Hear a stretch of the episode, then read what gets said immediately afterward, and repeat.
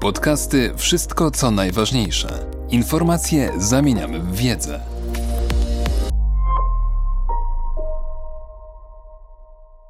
Douglas Murray. Szaleństwo tłumów. Gender, rasa, tożsamość. Przeżywamy wielkie szaleństwo tłumów. Publicznie i prywatnie, online i poza siecią.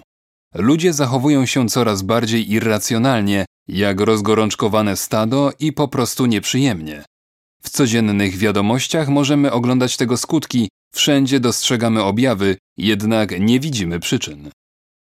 Pojawiają się różne wytłumaczenia. Zazwyczaj sugerują one, że każde szaleństwo jest skutkiem wyboru tego czy innego prezydenta albo jakiegoś referendum.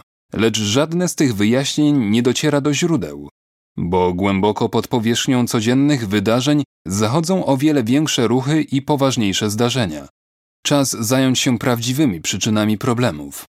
Rzadko mówi się nawet o korzeniach tego stanu, czyli o prostym fakcie, że od ponad ćwierć wieku trwa okres rozpadu wszystkich naszych narracji.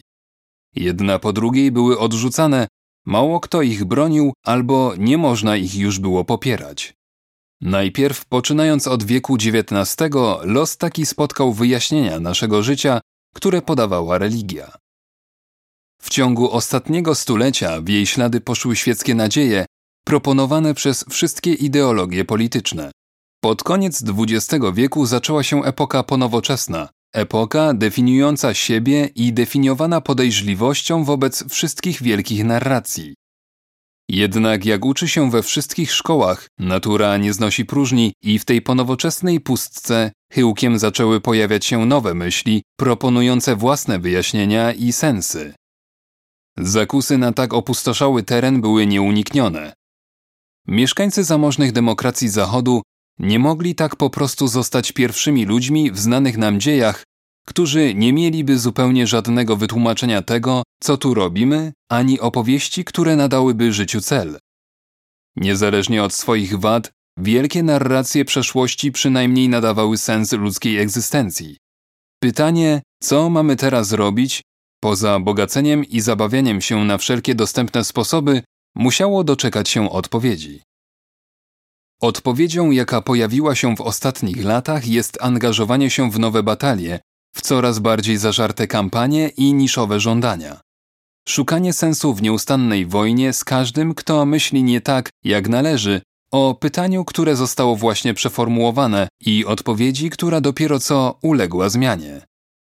Niewiarygodne tempo tego procesu bierze się głównie stąd, że kilka firm w Dolinie Krzemowej, szczególnie Google, Twitter i Facebook, nie tylko może kierować wiedzą, myślami i słowami większości ludzi na świecie, lecz również działa w ramach modelu, który trafnie opisano jako oparty na znalezieniu klientów gotowych płacić za modyfikowanie zachowania innych.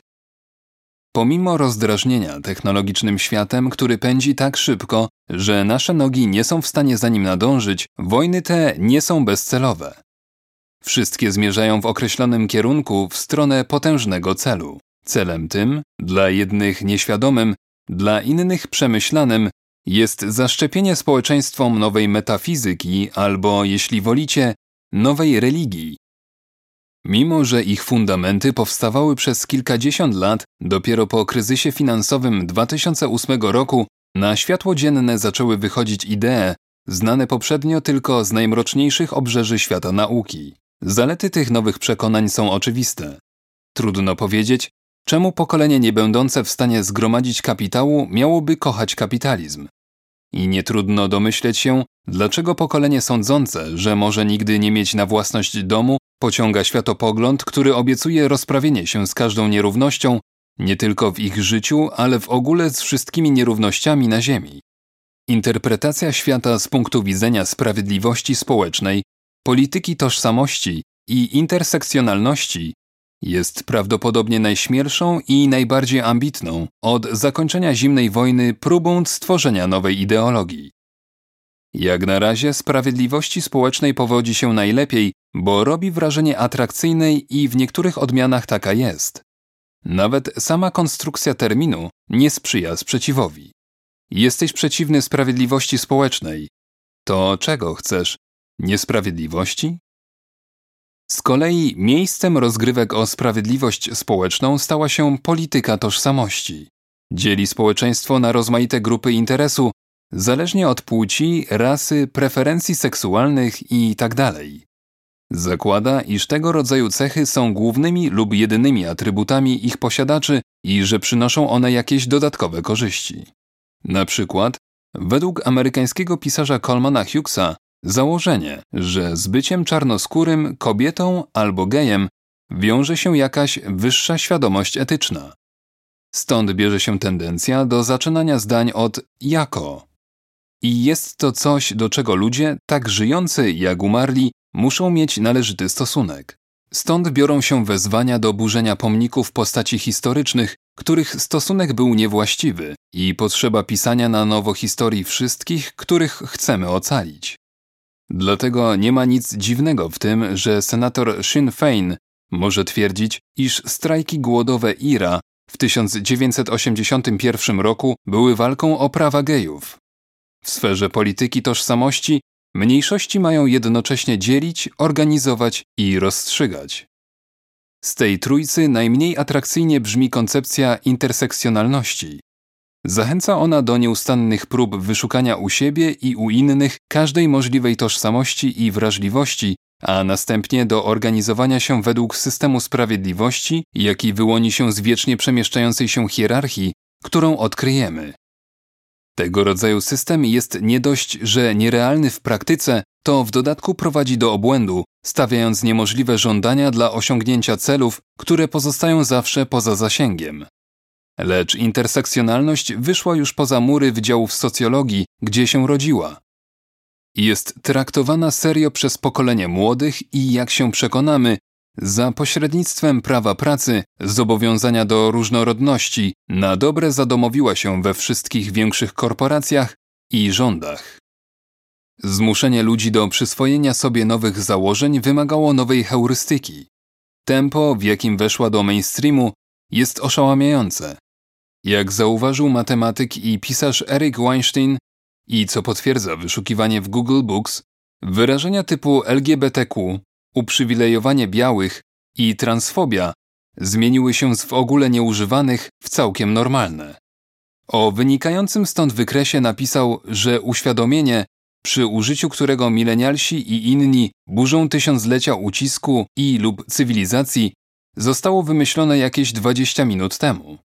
Ciągnął, że co prawda nie ma nic złego w testowaniu nowych myśli i słów, ale trzeba strasznej lekkomyślności, żeby z takim uporem polegać na tak wielu niewypróbowanych związkach heurystycznych wymyślonych przez Twoich rodziców w niezbyt dobrze znanych dziedzinach, które nie liczą nawet 50 lat. Greg Lukianow i Jonathan Haidt analogicznie zwracają uwagę w swojej książce z 2018 roku The Coddling of the American Mind na to, jak nowe stały się środki kontroli i egzekwowania tych nowych związków heurystycznych. Zwroty takie jak sprowokowane i poczucie zagrożenia oraz twierdzenia, że słowa niepasujące do nowej religii powodują szkody, stały się tak naprawdę powszechne od roku 2013. Wygląda to tak, jakby po wyznaczeniu sobie celów nowa metafizyka potrzebowała jeszcze kilku lat, na obmyślenie sposobów siłowego wprowadzenia swych zwolenników do głównego nurtu myśli. Ale zrobiła to z powodzeniem. I to jakim? Efekty widać w codziennych wiadomościach. Na przykład takiej, że amerykańskie towarzystwo psychologiczne American Psychological Association czuje potrzebę informowania swoich członków o sposobach oduczania chłopców i mężczyzn szkodliwej tradycyjnej męskości.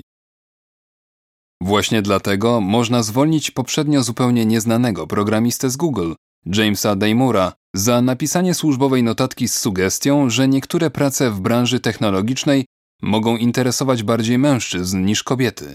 I dlatego liczba Amerykanów, których zdaniem rasizm jest dużym problemem, dwukrotnie zwiększyła się w okresie od 2011 do 2017 roku. Gdy na świat zaczyna patrzeć się przez te nowe soczewki, wszystko staje się szaloną bronią siejącą obłęd. To dlatego New York Times zamieszcza artykuł czarnoskórego autora pod tytułem Czy moje dzieci mogą przyjaźnić się z białymi? a tekst pióra kobiety o śmiertelnych wypadkach rowerzystów w Londynie może zostać podany pod nagłówkiem Drogi projektowane przez mężczyzn zabijają kobiety. Tego rodzaju retoryka pogłębia istniejące podziały i tworzy za każdym razem nowe. W jakim celu? Zamiast pokazywać, jak można lepiej ułożyć wspólne życie, ostatnie lata utwierdzają w poczuciu, że życie z innymi wcale nie idzie nam za dobrze. Większość ludzi dowiaduje się o tym nowym systemie wartości metodą nie tyle prób, co bardzo publicznych błędów. W ostatnich latach wszyscy zaczęli przynajmniej wyczuwać, że na polu kultury pojawiły się miny rozkładane przez poszczególne osoby, grupy, a może jakiegoś boskiego satyryka i czekające, aż ktoś na nie nadepnie. Czasami ktoś wejdzie w nie przypadkiem i natychmiast wylatuje w powietrze. Kiedy indziej ludzie patrzą na jakiegoś odważnego szaleńca, który wypuszcza się na tę ziemię niczyją w pełni świadomy, co go czeka. Po kolejnym wybuchu następują dyskusje, czasami okraszane westchnieniami zachwytu, i życie toczy się dalej. A na konto osobliwego, pozornie improwizowanego systemu wartości naszych czasów zapisana zostaje jeszcze jedna ofiara. Zorientowanie się w układzie tych min trochę potrwało, ale jest on już jasny. Najpierw chodziło o wszystko mające związek z homoseksualnością. W drugiej połowie XX wieku rozegrała się walka o równość gejów, która zakończyła się pełnym powodzeniem i odwróceniem okropnej niesprawiedliwości dziejowej. Wtedy okazało się, że wygrana wojna bynajmniej nie dobiega końca, tylko przybiera inne formy. GLB, gay, lesbijka, bi, zmieniło się w LGB, by nie pomniejszać znaczenia lesbijek. Następnie do skrótu dodano T. O nim wiele więcej niedługo. Później Q i gwiazdki, w miarę rozrostu gejowskiego alfabetu w obrębie ruchu coś się zmieniło. Zwycięski zaczął zachowywać się tak samo jak kiedyś jego przeciwnicy. Po zmianie układu sił zdarzyło się coś paskudnego. Dziesięć lat temu prawie nikt nie opowiadał się za małżeństwami gejów, nawet grupy walczące o ich prawa, takie jak Stonewall. Po kilku latach stały się one jedną z fundamentalnych wartości współczesnego liberalizmu. Oblanie testu z problemu małżeństwa gejów Kilka lat po tym, jak nie zdawali go prawie wszyscy, z grupami gejowskimi włącznie, oznaczało stanie się outsiderem.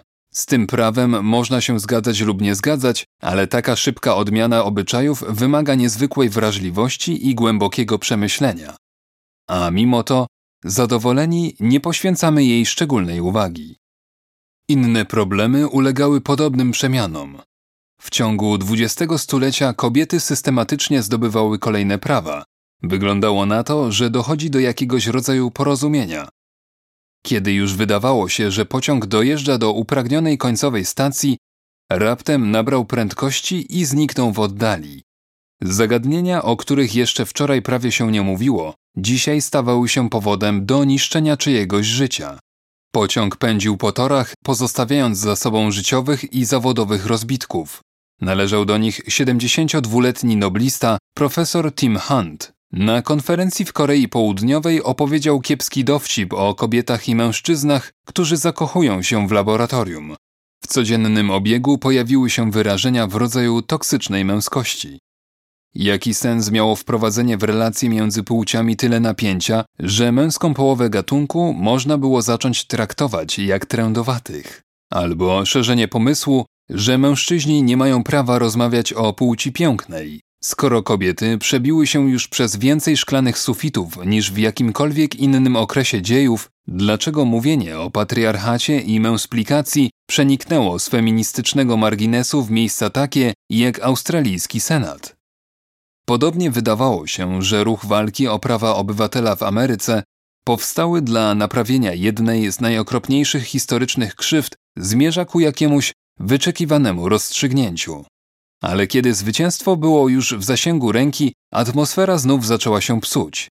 Gdy sytuacja wyglądała lepiej niż kiedykolwiek przedtem, zaczęto sugerować, że jeszcze nigdy nie było gorzej. Znienacka, gdy większość z nas miała nadzieję, że sprawa jest nieaktualna, wszystko zaczęło obracać się wokół rasy. Podobnie jak w przypadku wszystkich innych min, tylko głupiec lub wariat pozwoliłby sobie na spekulacje na temat tego radykalnego zwrotu wypadków, że nie wspomnę o kwestionowaniu go. Na koniec, zdezorientowani, wkroczyliśmy na prawdziwą ziemię nieznaną.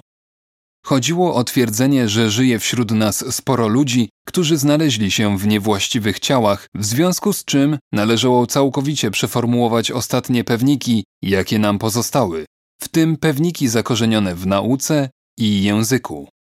Debata o problemie trans jest pod pewnymi względami najbardziej sugestywna. Mimo, że to najnowsze prawo dotyczy zdecydowanie najmniejszej liczby osób, walka o nie jest niezmiernie zacięta i pełna furii. Kobiety opowiadające się w tej sprawie po niewłaściwej stronie zaszczuwają ludzie, którzy byli kiedyś mężczyznami. Podważa się zdolność do rodzicielstwa rodziców głoszących poglądy, które jeszcze wczoraj były powszechnie uznawane. Policja w Zjednoczonym Królestwie i w innych krajach nachodzi ludzi, którzy nie chcą przyznać, że mężczyźni mogą być kobietami i vice versa. Wszystkie te sprawy rodziły się jako kampanie o uzasadnione prawa człowieka, dlatego tak wiele osiągnęły. Ale w pewnym momencie wykoleiły się, nie zadowalając się równością, obrały niemożliwe do obrony dążenia do bycia lepszymi. Można by twierdzić, że chodzi po prostu o podkreślanie przez jakiś czas bycia lepszym, by naprawić przeszłe nierówności. Tego rodzaju poglądy rozpowszechniły się w ślad za ruchem hashtag MeToo. Wedle słów prezentera CNN, być może jest to nadmierna korekta, ale to nic. Czeka nas korekta. Jak na razie nikt nie powiedział, że nadmierna korekta została zakończona, a nikomu można powierzyć orzeczenie, że już się to stało. Podcasty Wszystko co najważniejsze. Czytał Mateusz Mleczko.